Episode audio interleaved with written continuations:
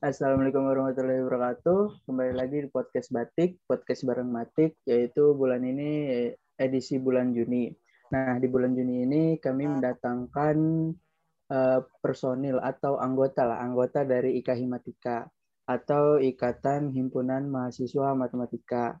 Jadi dua anggota ini kebetulan juga uh, sebelumnya ada yang sudah ada yang sedang menjadi uh, ini juga pengurus Himatika Unsut, ada juga yang sudah menjadi demisionernya. Nah, mari kita sambut ini kita mendatangkan dua sekaligus, Kak Faiz dan Kak Riri. Halo Kak Faiz, Kak Riri. Halo Pak. Halo, Halo Rehan. Halo Kak Riri juga. Halo Faiz. Gimana kabarnya Kak Faiz? Kabarnya alhamdulillah nih baik Han. Cuman kan saya lagi di Purwokerto nih. Cuacanya ya. lagi ekstrim lah sering hujan. Oh. Iya, sekarang cuaca di mana-mana juga lagi kurang ini ya, kurang memungkinkan buat kita pergi ke mana-mana. Kalau Mbak iya. Riri gimana? Alhamdulillah sehat, baik juga. Baik, sehat kok. Alhamdulillah. Uasnya gimana, Mbak? Waduh, lagi pusing ini. Baru hari pertama. Kalau Kak Faiz gimana uasnya? Alhamdulillah lancar karena ada persiapan di kuliah-kuliah hmm. sebelum. Hebat persiapan secara matang. Iya. Parah. Nah, kan kita mendatangkan IKA apa anggota IKA Himatika nih. Pasti udah jelas kita bakal ulik lebih dalam sedikitnya lah tentang IKA Himatika itu buat umum secara umum ya buat ini ya buat mahasiswa di luar sana khususnya mahasiswa matematika apalagi pengurus himatika gitu loh kalau dari Mbak Riri dulu deh Ika himatika itu apa sih kak secara garis besar Uh, menurut aku ya, Ika Himatika tuh ya kan himpunan mahasiswa matematika. Nah, ini tuh kayak kumpulannya himpunan-himpunan loh. Kayak kita kan punya Himatika Unsut. Nah, nanti ada Himatika, misal Himatika UMP, atau IAIN kayak gitu loh kumpulannya dari oh. mahasiswa matematika gitu. Jadi dari himatika beberapa himatika di kampus sana melebur jadi satu di IKA himatika gitu ya. Nah, iya, tapi perwakilannya aja sih. Oh, kalau kalau jadi ya kalau jadi pengurusnya itu perwakilan beberapa beberapa apa sih beberapa himpunan gitu orang misal hmm. misal di Kahimatika Unsur tuh dua orang atau satu orang gitu. Kalau dari Kak Faiz gimana Kak? Ika ya, ya, itu apa itu? Ya, tadi yang dikatakan Mbak Riri benar ya. Kalau Ika Himatika ini salah satu wadah pemersatu dari himatika-himatika yang ada di Indonesia. Jadi kalau untuk sistem anggota Ika Himatika ini, anggotanya mereka himatika yang ada di Indonesia. Dan untuk pengurusnya itu benar yang dikatakan Mbak Riri tadi itu Eh, perwakilan atau delegasi ya delegasi dari pengurus-pengurus himatika dari anggota IKA himatika kayak gitu. Oh, secara berarti garis besar kayak gitu. seluruh Indonesia berarti itu ya? Iya benar Mas Rehan. Oh, semua Indonesia. seluruh Indonesia. Berarti lebih dari berapa himpunan itu kira-kira? Kalau di data data IKA Himatika itu kurang lebih ada 200 anggota. 200 anggota. Berarti kurang lebih. ya minimal adalah 80 sampai 100 himatika gitu ya. Iya, itu 200 itu ini Han uh, anggotanya itu, jadi himatika. Oh, tercatat dari himat iya. Oh, berarti 200 kampus gitu ya dari 200 kampus. Iya, seperti itu Han. Oh. Itu data terbaru yang aku dapat dari salah satu pengurus pusat Tiga Himatika kalau dari Kak Faiz ini kan sekarang juga masih menjabat gitu di sebagai pengurus Himatika Unsut. Uh, udah berapa lama di IKA Himatika gitu. Jadi terus juga motivasi awal alasan kenapa terjun ke IKA Himatika itu kalau dari Kak Faiz kenapa? Oke, mungkin uh, sedikit informasi dulu ya kalau di kepengurusan nikah himatika ini masa baktinya itu satu periode selama dua tahun. Jadi aku mulai di kepengurusan nikah himatika ini semenjak eh, tahun Maret 2020. Otomatis berakhir nanti tahun depan Maret. Nah, eh, selama itu kenapa sih aku mau gitu jadi pengurus IKA Himatika? Karena menurutku IKA Himatika dengan Himatika Unsut itu sejalan gitu. Jadi eh, karena Himatika Unsut juga merupakan anggota IKA Himatika jadi apa yang ada di IKA Himatika itu pasti sejalan dan seirama. Jadi eh, kenapa nggak nyoba hal yang baru gitu? Dan kenapa sih mau IKA Himatika? Karena dilihat dari cakupan kepengurusannya itu kan satu Indonesia ya otomatis hal yang baru itu pasti aku, akan aku dapatkan gitu beda dengan hmm. organisasi yang ada di internal kampus kayak gitu jadi secara oh. relasi akan lebih luas gitu berarti dari Kak Faiz sendiri itu memanfaatkan peluang peluang itu ya peluang yang ada karena IKA yeah. Himatika cakupannya sangat luas itu lebih luas dari sekedar Himatika Unsut yaitu satu Indonesia makanya Kak Faiz mau itu terjun ke IKA Himatika. Iya, dari nah. segi jaringannya dan juga uh, satu visi lah dengan Himatika oh, Unsur. Iya. Karena sejalan juga. Iya. Kalau dari Mbak Riri gimana Mbak Riri? Uh, dari aku sih ya, kan aku masuk berarti IKA Himatika tuh 2019 kan. Terus berakhir tahun ini, Desember tahun ini. Terus apa namanya? kalau dari aku sendiri kenapa aku ikut Ika Himatika awalnya tuh kan kita tuh di kampus ada pengenalan Ika Himatika gitu kan yeah. awal masuk tuh terus aku kayak oh iya penasaran sih sama dalamnya Ika Himatika tuh apa aja terus kayak misalkan anggotanya tuh siapa aja kan Ika Himatika juga di beberapa wilayah kan ada Ika Himatika Indonesia sama Ika Himatika wilayah. Nah di kita sendiri kan Ika Himatika tuh wilayah empat. Nah, aku pengen tahu aja sih kayak apa namanya orang-orang Ika Himatika tuh kayak apa, Ika Himatika tuh kayak apa sih, kayak gimana sih itu Ika Himatika berjalan kayak gitu sih. Berarti lebih Penasaran. ke rasa ingin tahunya gitu ya? Ya. Ada apa sih sebenarnya di dalam Ika Himatika? Nah, setelah berarti kalau dari Kak Mbak Riri itu kan dari 2019 kesan pesan selama kurang lebih satu tahun menuju dua tahun ini di Kahimatika wilayah kalau Mbak Riri ya. Yeah. Pesan-pesannya apa? Uh, yang pertama sih pasti melatih tahun yang pesan pesan eh kesannya tuh kayak melatih aku menjadi tanggung jawab gitu loh. Kayak misalkan di Ika Himatika wilayah 4 nih kan kita tuh jauh ya jaraknya. Jadi tuh jarang ketemu. Kalau kita kan Himatika kayak satu lingkup aja tuh. Kalau misalkan satunya nggak ada kabar itu tuh kayak kita tuh bisa apa namanya mengejar gitu loh. Kalau misalkan okay. ini kan kayak jauh kan. Misal dari sini ke Jogja kan jauh ya otomatis yeah. kayak melatih kita buat tanggung jawab aja sih terus nyari orang-orangnya hilang apa enggak hmm. gitu sama kayak apa namanya yang paling penting sih kita belajar menjadi pemimpin ya di Kahimatika kan banyak kegiatan-kegiatan juga kayak seminar atau apa itu tuh bisa melatih buat memimpin sebuah seminar tuh gimana sih seminar nasional atau apa gitu. Iya, Terus pesan pesannya sih apa ya? Kayak jangan kalau misalkan udah di satu organisasi itu tuh jangan kayak berpat berpacu kayak satu organisasi aja gitu tuh nyoba organisasi lain biar kita tahu kayak mana sih yang cocok buat kita ke iya, depannya terus kayak menambah relasi juga gitu sih. Iya. Kalau dari selain aku. selain kita gali juga apa jati diri kita gitu, passion kita tuh sebenarnya di mana sih? Nah, selain itu juga kita dapat gitu kan pengalaman walaupun itu yeah. misalkan bukan passion kita, seenggaknya kita yeah. udah coba, oh ternyata yeah. ini kurang sesuai nih sama diri kita. Ya udah berarti kita beralih ke yang lain gitu. Jangan ya, tapi misalkan jangan... ya jangan jangan kabur juga kalau nggak sesuai. Iya, iya. Setengah kan itu makanya itu tanggung jawab kan. Kalau udah apa udah mulai ya jangan berhenti di tengah jalan, harus diselesaikan.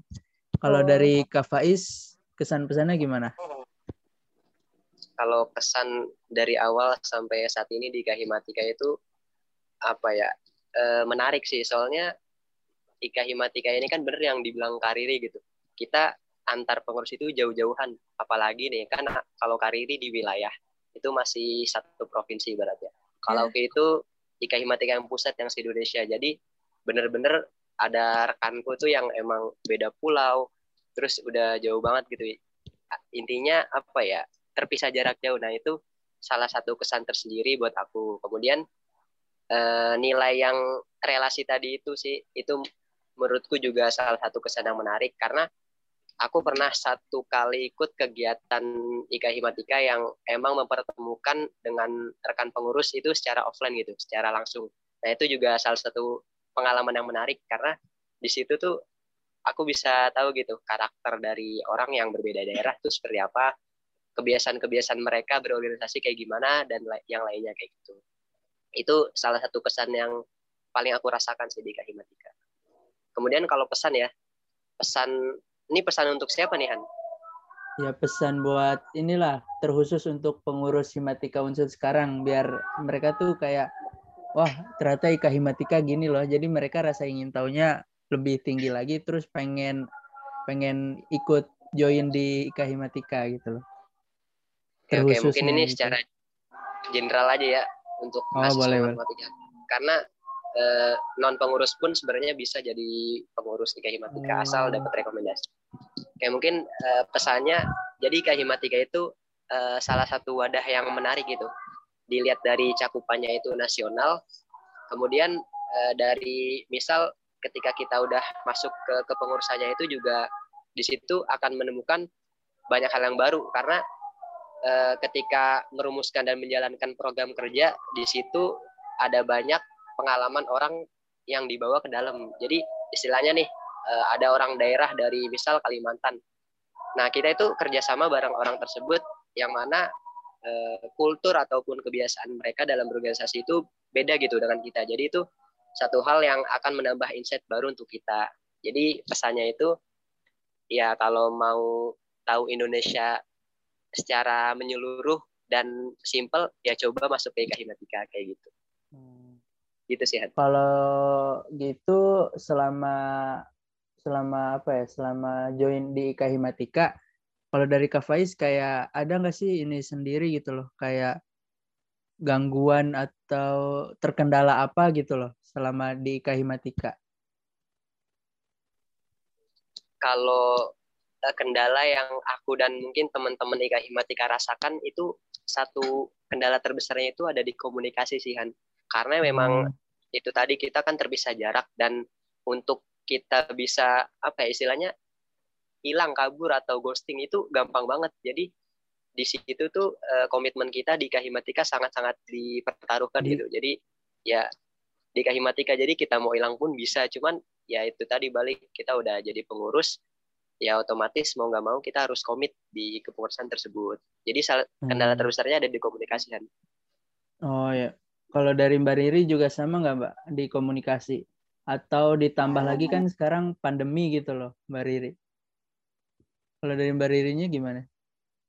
Ya, aku sama sih, kurang lebih sama kayak Faiz. Apa namanya terkendala sama komunikasi. Karena kan kayak kita nggak bisa itu loh nggak bisa ketemu. Terus ketemu aja kayak beberapa kali aja kan. Kayak aku pertama ketemu aja pas muswil kan muswil tahun 2019 ketemu lagi mungkin nanti muswil 2021 ini. Tapi nggak tahu ya kan ini pandemi juga ya. Banyak juga proker-proker aku yang harusnya ketemu sama teman-teman yang lain teman-teman pengurus juga nggak nggak nggak bisa karena kan pandemi. Jadi mungkin kendalanya itu sih, kan sekarang pandemi, jadi kayak susah buat ketemu, susah buat menjala, menjalankan proker-proker kita loh. Kalau kalau misalkan yang proker-proker kayak forsil, mustawil, muswil itu tuh harus online kan. Jadi kita ketemunya tatap muka, nggak semuanya bisa datang. Waktu itu pernah sih mustawil itu tuh sebagian sebagiannya datang ke Jogja, yang sebagiannya lagi kayak di rumah aja karena ada yang nggak boleh juga kan lagi pandemi gini nggak boleh ke mana-mana harus di rumah aja gitu jadi beberapa orang nggak bisa terus kendalanya ya itu paling kalau pandemi oh. semuanya harus serba online. Kalau pandemi juga nggak cuma organisasi ya semua sektor ngerasain yeah. ini. Apalagi sekarang lagi ningkat-ningkatnya lagi.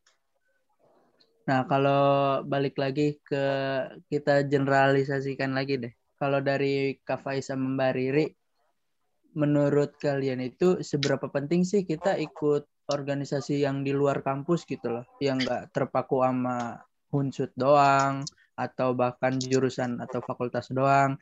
Jadi kita pengen ikut apa ikut organisasi atau komunitas di luar kampus gitu seberapa pengaruh seberapa pengaruh buat diri kita sih kalau dari Mbak Riri dulu deh.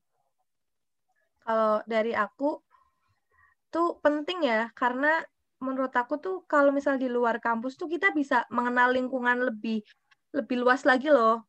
Ini misal aku ambil contoh, aku sendiri ini kan di Kahimatika ya. Nah, aku belum pernah nih ketemu sama mungkin Himatika UMP atau Himatika yang jauh, yang di di Jogja atau di mana kan kita belum pernah ketemu. Terus kita diwadahi untuk ketemu kan di situ kayak kenalan, banyak teman, terus banyak pengalaman, banyak relasi. Menurut aku penting banget sih buat kayak kita keluar dari keluar dari organisasi kampus, bukan keluar sih kayak nambah keluar lagi di organisasi yeah. kampus. Itu sih. Kalau dari Kakak Iya, kalau menurutku itu sih yang tadi udah aku sebutkan ya. Kalau kita nyoba organisasi atau ya organisasi, yes, organisasi atau komunitas ya mungkin di luar kampus itu kan pasti akan menghadirkan pengalaman yang berbeda gitu. Ya bagaimana kita ketemu orang yang punya kultur atau kebiasaan yang berbeda dengan kita, terus kerja sama, kerja bareng-bareng pasti akan menghasilkan pengalaman yang berbeda. Jadi seberapa penting ya menurutku sangat penting sih terutama salah satunya itu tadi untuk uh, melebarkan relasi kita gitu.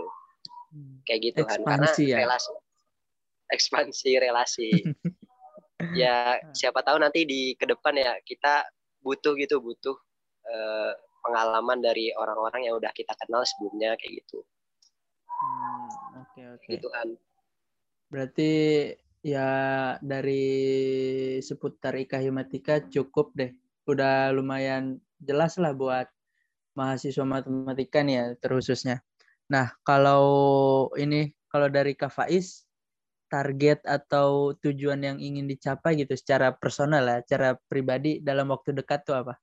Targetnya?